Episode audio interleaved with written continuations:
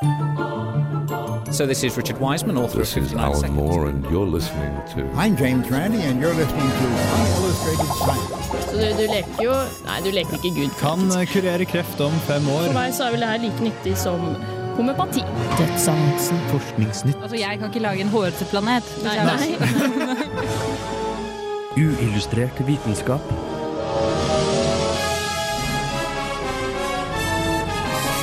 Science, it works, bitches. Hva kan vi vite om en person ved kun å studere kroppsspråket? Ifølge Daniel Foyer, som underholdte med sitt body language-show på Uka i går, kan vi si en hel del. I dagens avsnitt av Uillustrert vitenskap vil du få høre mer fra ham om både kroppsspråk, mentalisme og synske.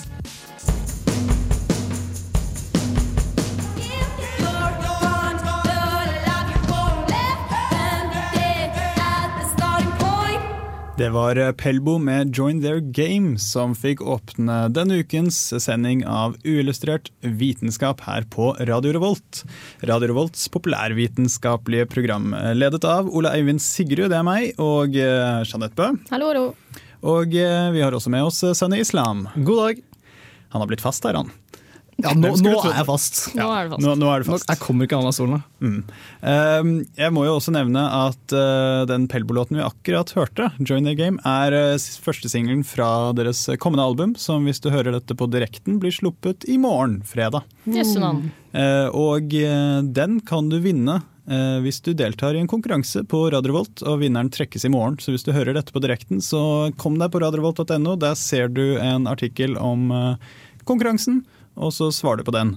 Vi har uh, hele tre eksemplarer som vi lodder ut, og de er signert. Um, så det er gode vinnersjanser. Men, men, vi skal ikke snakke om plater. Vi skal uh, få litt forskningsnytt i dag, skal vi ikke det, Jeanette? Jo, det stemmer. Eh, ikke noen plater. Ikke noe plater, nei. og eh, du skal snakke litt om eh, sånn eh, Hiroshima og Nagasaki og sånn. Ja, det skal jeg. Det er, det er litt sånn det er trøblete i Tsjernobyl, fordi man lurer på om sarkofagen som låser inn selve reaktoren, er i fare med å bryte sammen. Så, Heter det en sarkofag? Ja, altså det er en betongsarkofag da, som liksom skal bevare reaktoren, men de lagde den litt sånn i hui og hast, så den varer i 20-30 år, og nå har det gått 20-30 år. Det er dumt. Spennende. Men uh, hovedtemaet i dag uh, blir jo da eh, The Body Language Show, som var på uka i går. Uh, det var ledet av Daniel Foyer, en eh, engelsk nordmann som er hypnotisør og eh, kan virkelig det der med kroppsspråk, altså. Var det morsomt? Det var dritgøy, faktisk. Fungerte det? Det var Ja, han, eh, han fikk gode resultater. Absolutt. Fikk han deg til å si kikliky? Det gjorde han ikke. Han hypnotiserte ikke meg. Eh, Men i hvert fall, eh, jeg har intervjuet ham, eh, og det intervjuet skal du høre etter Rusty med flashback her i Julestrørt.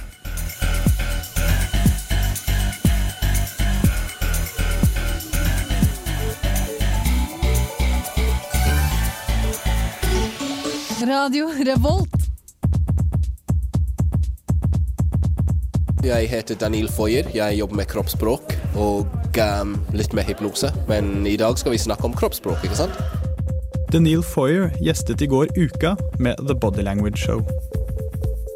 I programmet sto det at han kunne lese folk som en åpen bok ut ifra deres kroppsspråk. Og forestillingen ga absolutt inntrykk av at det stemte.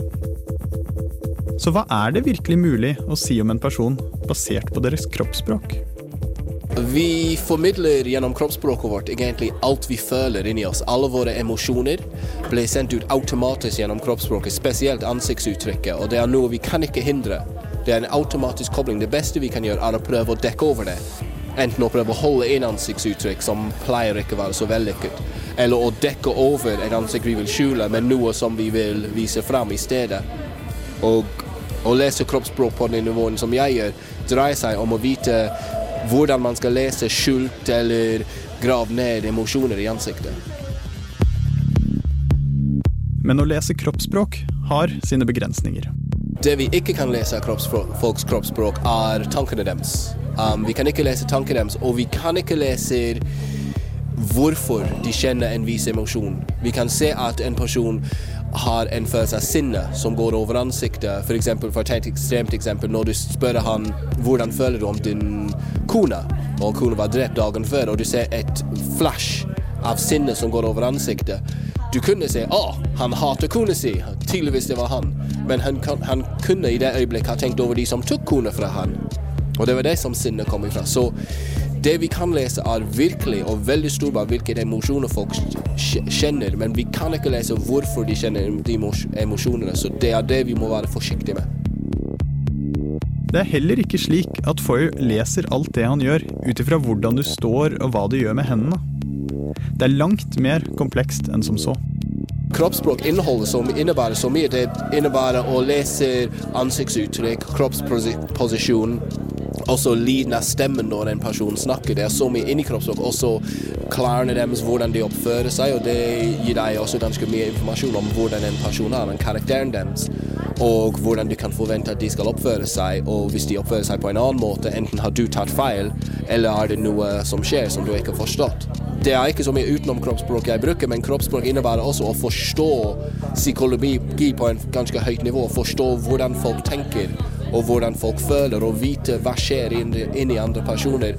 Og vite først og fremst at det letteste ting å gjøre når man leser kroppsspråk, er å legge dine egne forventninger, forventninger på toppen av det som har forandret, og bare komme bort med det du trodde du skulle se, uten å faktisk se det som er til stede.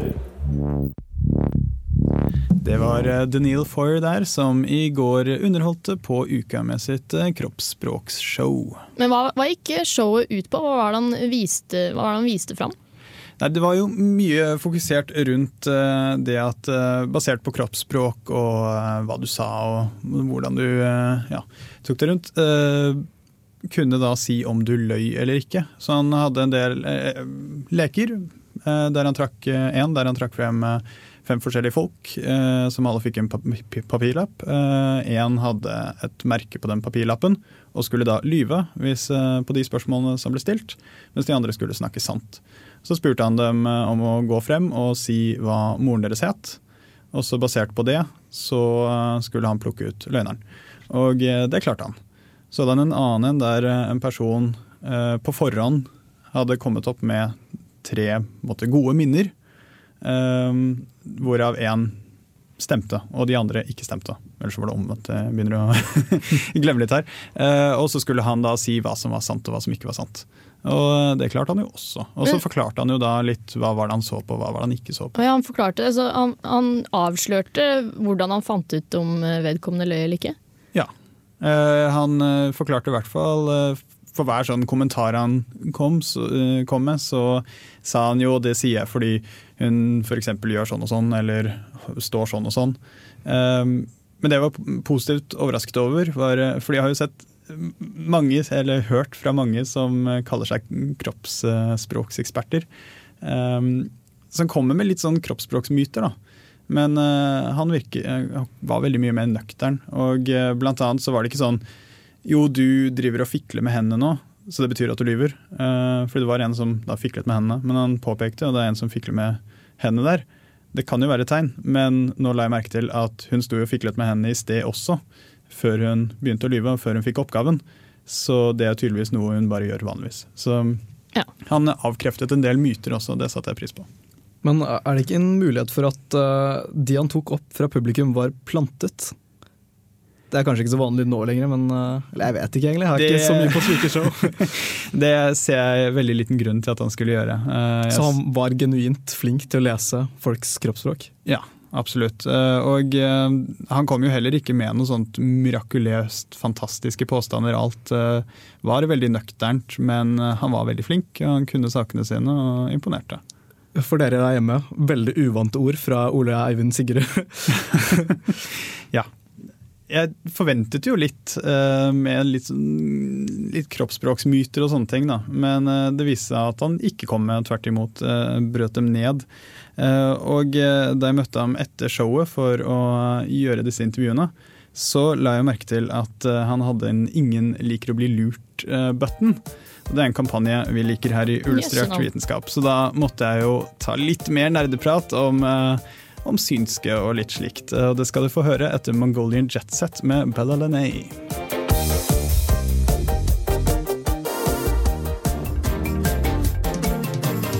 This is Alan Moore, and you're listening to Unillustrated Science. Det finnes mange myter om kroppsspråk. Men til tross for svært imponerende resultater, var Daniel Foyers påstander om kroppsspråk nokså nøkterne. Så hvor har han alle disse teknikkene fra?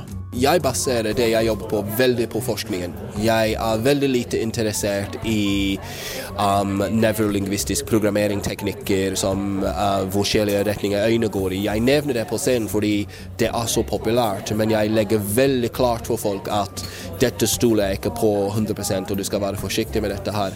Så det jeg leser for å utvikle min kroppsspråk, er ikke bøker skrevet av coacher og selvkalte eksperter, som egentlig jeg er. Men det som jeg leser og baserer det jeg lærer bort på, er forskningen. Jeg leser solid forskning. Jeg aner også en god del påvirkning fra mentalister. Magikere som ser ut til å ha fantastiske intuitive evner, som klarsyn og telepati. Er Foyer en mentalist? Personlig jeg vil ikke beskrive meg selv som mentalist, men det er et valg jeg tar. og jeg ser for meg at andre kunne beskrive meg som en mentalist, og flere av tingene jeg gjør det i kveld, kan beskrives bare som mentalisme. Det som jeg gjør som jeg håper distanserer meg selv litt fra bare en mentalismeshow, er at jeg prøver å ha noe som jeg formidler. Jeg ville si at i kveld var halvparten mentalismeshow og halvparten informasjon om noe som jeg personlig syns er veldig spennende. En annen gruppe som ser ut til å vite langt mer om fremmede personer enn det de strengt tatt burde, er synske. Men disse imponerer ikke Foyer. Jeg har ikke tatt dette, dette showet i den retningen mot synske. Um, det er noe jeg har tenkt gjennom og ikke gjort fordi det skaper veldig mye motgang i folk. Men jeg uten tvil kunne ha gått ut på den scenen, og jeg kunne gjøre det nå. Gått ut og tatt en synsk lesing for publikum og hadde ingen problemer med å snakke med folk sine døde bestemor og oldefar eller hva som helst du vil, og kommunisert med den andre siden. Det er veldig enkelt, og det er mange teknikker som folk har studert det området vet om. Uh, Key-uttrykkene, Nøkkeluttrykkene er f.eks. kaldlesing, cold reading. Les én bok, og du lærer å gjøre det veldig raskt og veldig enkelt. Så jeg kunne absolutt ha gjort det. og jeg vurderer noen ganger å gjøre noe sånt med en veldig klar ramme av at dette er ikke synsk. Og tanken min er at jeg vil vise folk dette kan gjøres uten å være synsk. Så neste gang du møter noen som hevner at de er synsk, kanskje de ikke er det. Så det er noe som er personlig veldig nær mitt hjerte, men noe som jeg er forsiktig med på denne punktet. Fordi jeg trenger å ha folk på min side før jeg kjører noe sånt. Um, I Norge rundt et år siden noe av det verste du kunne gjøre, var å være skeptisk mot Snåsamannen. Per i dag, og Utøya selvfølgelig en mye større sak, men likevel å stå på scenen og si at jeg tror egentlig ikke på Snåsamannen, og hvorfor bruker han kort? Liksom, det er en grunn for at jeg bruker kort når jeg gjør greier på scenen. Og det er en Jeg, jeg ville gjerne vite hvorfor Snåsamannen brukte spillekort. Han kunne brukt hva som helst evidensbasert uh, underholdningsshow, uh, altså. Og uh, utført av en skeptiker. Han burde jo vært med oss på Lise Williams. Ja, Han burde faktisk, vært med oss på uillustrert vitenskap. Ja, det er faktisk litt artig at du nevnte Lise Williams, fordi jeg ble jo sittende og prate skepsis med ham en god stund. og Da fortalte han faktisk at han hadde vært og sett Lise Williams, oh, ja. som da til Eh, lyttere som ikke hadde fått med seg det, eh, så hadde vi en eh, slags Lisa Williams-spesial for tre uker siden. Um, var det kanskje han som lå høylytt i bakgrunnen under opptaket? Nei, jeg vet ikke om det var akkurat den forestillingen til Lisa Williams, men han hadde vært på Lisa Williams, og konklusjonen hans var den samme som oss, som vi hadde. Og det var at han ble absolutt ikke imponert. Og han ble rett og slett skuffet over hvor lite flink hun var. Ja, godt å høre. At det rett og slett var dårlig cold reading. Ikke bare ja. at det var cold reading, men det var ikke godt utført engang. Og det kosta 600 kroner. Og at det kostet 600 kroner. men på sidene til uka så sto det at han faktisk klarte å hypnosisere noen. Eh, men aller først, hva er hypnose egentlig? Det har jeg aldri skjønt. Ja, nei, eh, Hypnose det er jo eh, litt omfattende, men eh, du kan skille mellom eh, sånn stage-hypnose, eh, show-hypnose og eh, mer sånn klinisk hypnose. Klinisk hypnose vet jeg ikke så veldig mye om. Men sånn på, til underholdning er rett og slett at du får folk til å eh, være i en mer sånn suggestible state, og de går med på leken og eh, da kan gjøre ting som da virker absurd. Eh, Men hvis du spør dem etterpå, eh, så eh, sier du jo at jo, jeg var jo fullt klar over hva jeg ble bedt om, og jeg gikk med på det osv. Um, og du kan ikke da hypnotisere noen til å gjøre ting de ikke vil, så det er ikke reell mind control på den måten, men man leker på en måte. Hvordan funka hans hypnose? Altså, Hva gikk det ut på? Nei, det var egentlig ikke noe stort element av showet hans. Det var ikke et hypnoseshow, selv om han sikkert hadde kunnet gjort det også. Men eh, det var egentlig bare et lite element i eh, på en måte et av de siste eh, triksene hans, da, som eh, addet litt da, til trikset. Men eh, det var ikke noe sånn at eh, han fikk noen til å gjøre noe, men mer sånn eh, Benny Hinn-aktig falle i søvn, eller falle i armene hans et par ganger da han knipset. Men det var, var morsomt å se på. Så håper jeg jo absolutt at han gjør som han nevnte i det intervjuet, og fremover kanskje inkorporere litt sånn kritikk av synske i showet. Det hadde vært noe. Det hadde vært veldig kult. Eh, Da kanskje han kunne bli litt sånn norsk eh, versjon av Darren Brown, hvem vet? Ja, det trenger vi. Ja, Vi skal i hvert fall eh, gå videre med forskningsnytt her i Uillustrert vitenskap etter Feist med How Come You Never Go There.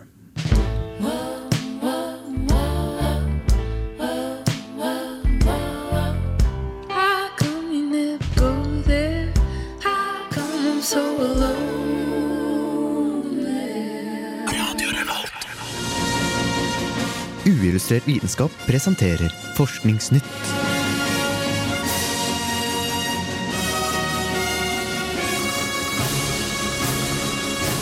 Forskningsnytt.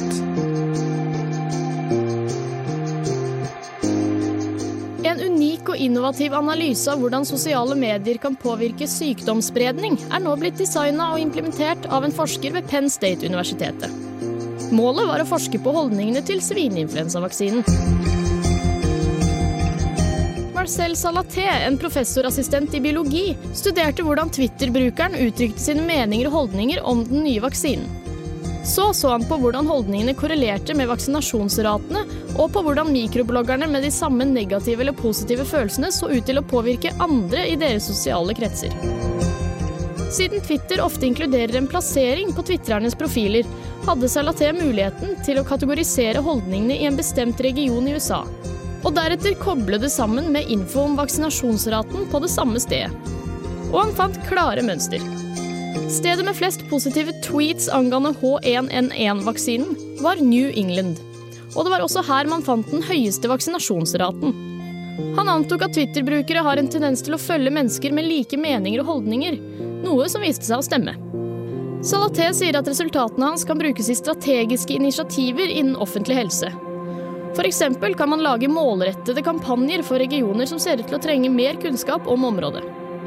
Slik data kan også hjelpe til med å anslå hvor mange vaksinasjonsdoser som trengs i et gitt område.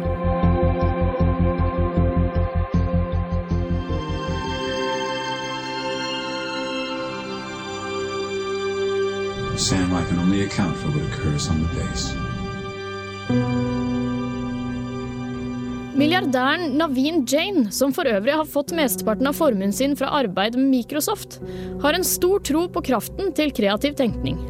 For nå har han nemlig bestemt seg for å bygge på formuen sin. På månen. Han sier at folk spør hvorfor i all verden han vil til månen, siden det kun er en kjip stein med ufruktbar jord. Men han sier at månen har jo aldri blitt utforsket med en gründers perspektiv. Vår nærmeste nabo har nemlig mer å by på enn støv. Den inneholder i tillegg en haug med verdifulle mineraler. Dette inkluderer 20 ganger mer titan og platina enn noe sted på jorden. For ikke å glemme helium-3, et sjeldent isotop som mange tror kan være fremtiden innen energi på jorda. Selskapet hans MoonX har vunnet en kontrakt som er en del av NASAs Innovative Lunar Demonstration Data, og har i tillegg mulighet til å få Googles Lunar X Prize på 30 millioner dollar. Jane tror at NASAs kontrakt vil gjøre drømmen hans om å privatisere månen til virkelighet, og at firmaet hans er i stand til å kunne gjennomføre starten av gruvedrift der allerede i 2013.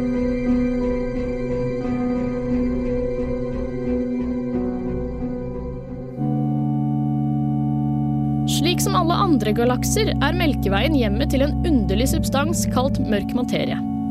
Mørk materie er usynlig og avslører sin tilstedeværelse kun gjennom sin gravitasjonskraft. Uten mørk materie ville stjernene i galaksen fyke ukontrollert rundt i alle retninger. Dette er stort sett det vi vet om mørk materie. Og etter et nylig gjennomført studie på temaet vet vi litt mindre. Studiet ble gjennomført av Matt Walker og hans kolleger ved Harvard Smithsonian Center for astrofysikk. Og poenget var å se på den kosmologiske standardmodellen. Den kosmologiske standardmodellen beskriver et univers som er dominert av mørk energi og mørk materie. Og de fleste astronomer antar at mørk materie består av trege, eksotiske partikler som klumper seg sammen. Over tid skal disse klumpene vokse og tiltrekke seg vanlig materie, for så å forme galakser slik vi kjenner de. Dette betyr da at det bør være en tett klump med mørk materie i midten av galaksene. Forskerne så på dverggalakser, og hvis man ser på disse som fersken, bør det være en kjerne av tettpakket mørk materie i midten. Men det forskerne fant, var en fersken uten kjerne. I midten av galaksen var det ingen større tetthet av mørk materie, noe som kan tilsi at den kosmologiske standardmodellen er feil.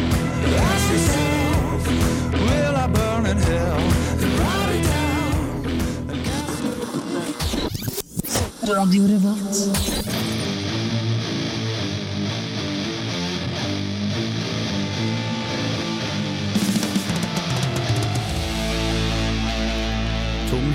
Her i Illustrert vitenskap. Det var Curl of the Burl fra Mastodon. Eh, og så hørte vi jo eh, forskningsnyttet til eh, Jeanette også. Ja. Eh, Det var eh, Twitter-bruk. En eh, kreativ Twitter-bruk eh, helt i starten her. Det må jeg si. Men uh, hvorfor brukte de Twitter fremfor f.eks. Facebook, som har en betydelig større brukerandel? Eh, jo, eh, hovedpoenget, i tillegg til det jeg nevnte i eh, nyhetene, om at eh, du ofte får en liten sånn stedstag på i tillegg, så eh, er det jo sånn at alle, hvem som helst, kan lese hvem som helst sine tweets. Hva heter det på norsk?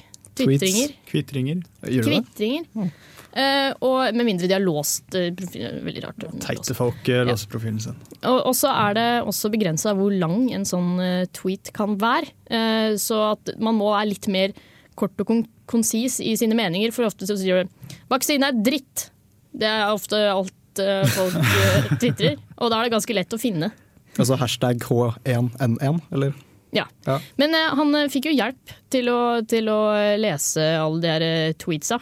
Fordi det er snakk om eh, 470, over 477 000 tweets angående vaksiner.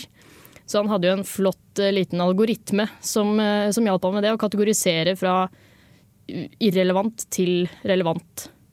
Eh, og eh, han skal bruke det til andre ting, eh, ikke bare smittsomme eh, sykdommer. Han skal bruke det på Fedme og hjertesykdommer skal han, er nye prosjektet hans. Da skal han eh, Jeg tror han skal søke opp hvor mange ganger folk nevner trening i et område. Og hvis de nevner det veldig lite, så kan han henge opp eh, plakater av mennesker som jogger, f.eks. Et, et lite Twitter-relatert spørsmål igjen. Er det ikke bare sånne unge, hippe, vitenskapelige radiojournalister som bruker Twitter? Eh, nei, jo en del nei, av Bjørn, befolkningen. Bjørn Eidsvåg eh, har jeg sett. Ah, okay, ja. Eh, og andre gamle menn. eh, eh, andre nyheten var om gruvedrift. Og eh, det, det har vi jo sett på film. Ja, eh, du brukte jo musikk fra filmen eh, Moon av eh, Duncan Jones, og her så graver de også etter helium-3. da. Og Hvis dere er veldig glad i klassisk science fiction, så har også Duncan Jones laget en film om Jeg vil ikke røpe for mye, men den heter iallfall Source Code, og den anbefaler jeg absolutt alle å se. Iallfall hvis du hører på Uillustrert. Jeg sier meg enig i at den er ganske artig. altså. Og for de av dere som lurer på hvorfor man i all verden skal stikke og hente helium-3, så er det, Er det ikke for morsom stemme? det er for morsomt. Det er, så er det fordi det kan brukes til sånn eh, kald eh, fusjon, som, eh, som eh, Sunny kan alt om, eh, hørte jeg i stad. Som vi ikke har tid til å gå inn på nå. Ja, fordi det, det er billigere, da. Det er vel egentlig grunnen til at man vil bruke helium-3. Men han sa at han skulle klare å komme seg på månen for 100 millioner dollar. Det virka veldig billig. Gule priser, grønne priser. Vet Ja, du det er, det er tilbud på romreiser. Jeg vet, ikke, jeg vet ikke hvordan han skal få det til, men eh, dette går bra, altså. Og så siste nyhet. eh, mørk materie. Eh, det, det er blitt vanskeligere å eh, vite noe om. Det er kjempebra, altså. Og de har sett på dverggalakser. Og grunnen til det er at det er oppimot 99% mørk materie i dverggalakser. Men problemet med dverggalakser er at der er det ikke sånn flott system som du har i de der spiralgalaksene våre, holdt jeg på å si, som Melkeveien.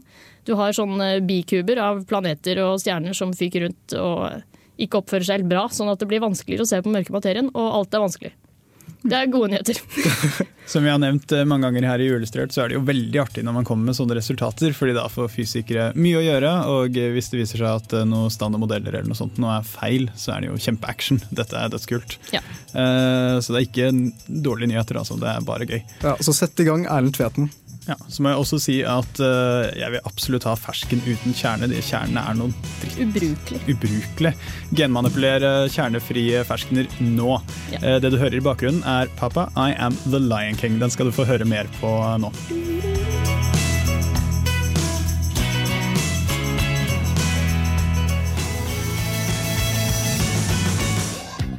Tyngdekraften. Å ja, han har jeg hørt om. Galileo Galilei. Det er jo for godt til å være sant. Lars Monsen. Dette setter jeg pris på, ass. Tycho Brahe. Mm. Ah. krass fysikk. Hvorfor er det sånn at Hiroshima og Nagasaki er beboelige i dag, men ikke Tsjernobyl? For dere som ikke husker omstendighetene rundt disse tragediene, presenterer jeg en liten historisk oppfriskning. 6. og 9. august 1945 slapp amerikanske fly kjernefysiske bomber over henholdsvis Hiroshima og Nagasaki. Dette resulterte i at rundt 200 000 mennesker døde. På 80-tallet i Tsjernobyl løp en reaktor løpsk i et kjernekraftverk, og førte til både nedsmelting og eksplosjon. Rundt 31 personer døde som direkte følge av ulykken. Ifølge dødstallene skulle man tro at det var Tsjernobyl som var beboelig i dag, og ikke de to japanske byene. I kjernefysisk fisjon blir nøytroner sendt inn i tunge radioaktive stoffer som uranisotoper. Urankjernene blir da mindre stabile og deler seg i nøytroner og mindre partikler. De nye nøytronene blir så absorbert i nye radioaktive stoffer og får igjen disse til å dele seg. Vi får altså en kjedereaksjon. Det er denne prosessen som er drivkraften i både kjernefysiske våpen og kjernekraftverk. Til slutt, når reaksjonen ikke lenger vil gå, sitter vi igjen med radioaktivt avfall med stoffer fra hele periodesystemet. Hvorav noen er direkte farlige for både mann og natur. Man antar at Tsjernobyl-ulykken forårsaket et utslipp som var 400 ganger større enn det som forekom i Hiroshima og Nagasaki.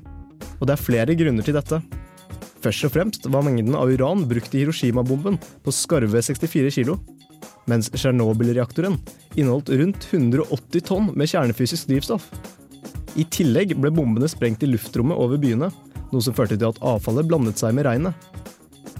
Pga. vinden ble avfallet spredd utover et større område, slik at konsentrasjonen ble langt lavere enn hvis det hadde vært en bakkeeksplosjon, slik som i Tsjernobyl.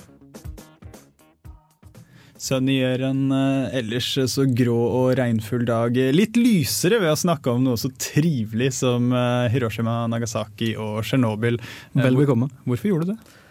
Nei, altså det, det er jo som jeg nevnte i stad, så eh, kan det hende at sarkofagen ikke holder eh, reaktoren inne.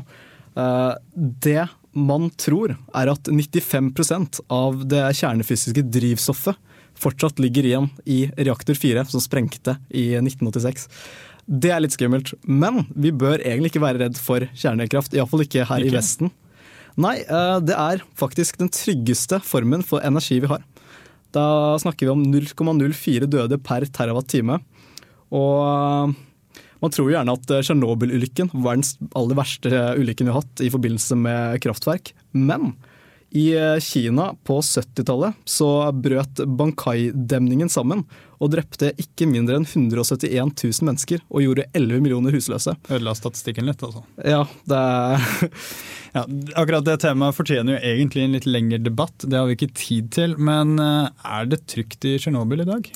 Eh, det er mulig for eh, film- og kameramenn å stå 200 meter fra reaktor 4 i dag. Fordi de tåler mer enn oss andre? Ja, de har eh, sånn eh, intern strålingsbeskyttelse. Men ja, som sagt, sarkofagen den holder kanskje ikke. Og det er Man tror at det neste store kjernefysiske eksplosjonen kommer til å skje i Tsjernobyl. Spennende. Eh, vi skulle gjerne snakket mer, men isteden så har jo Sunny eh, utforsket smak, så det tenker jeg vi tar en lytt til. Smaksløkene sitter på tungen og gjør det mulig for mennesket å oppfatte forskjellige typer kjemiske forbindelser. Fra barneskolen ble du kanskje lært at det finnes fire forskjellige smaker. Salt, surt, søtt og bittert. Men visste du at det finnes en femte smak? Smaken kalles for umami. Men hvordan smaker den? Umami skiller seg ikke like lett ut som de fire andre smakene, men lærebøkene beskriver det som en velsmakende eller kjøttfull smak. Dette er kanskje ikke så rart, siden det er hovedsakelig proteiner fra kjøtt og alger som gir denne smaken. Visste du at det er umulig å smake mat med en tørr tunge? Grunnen til dette er at smaksløkene ikke klarer å oppfatte stoffer når de ikke er oppløst i væske.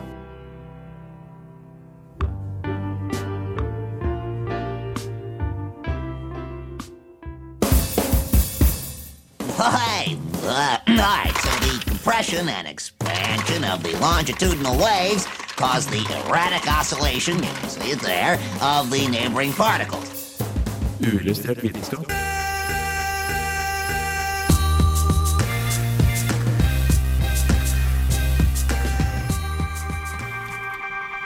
Det var eh, Fantogram med Don't Move, eh, nest siste låt eh, i Illustrert vitenskap i dag, fordi vi begynner faktisk å gå tom for tid. Apropos de som går tom for tid.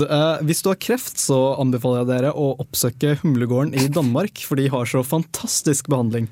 Blant annet så behandler de deg med mistelten, magnetfeltterapi og vitaminer og mineraler. Det er jo ikke slik at du får mistelten og magnetfelt det er vel rundt jorda, det vet jeg ikke. Det var et godt tips der, altså. 3000 kroner dagen, kjempegode priser. Jeg liker det. Oppfordrer du til selvmord, Sanne?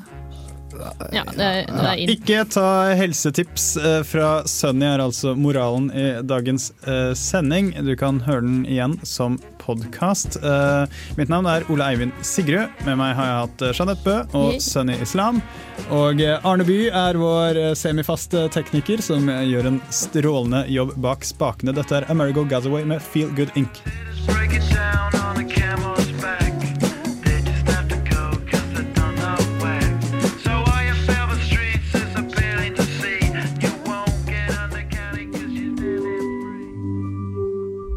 Uillustrert vitenskap er Midt-Norges eneste teknologimagasin på lokalradio. Og vi snakker om alt fra populærvitenskap til sære forskningsprosjekt ved NTNU. Radio Revolt, studentradioen i Trondheim, er stolt av å kunne presentere podkaster fra de aller mest populære programmene våre.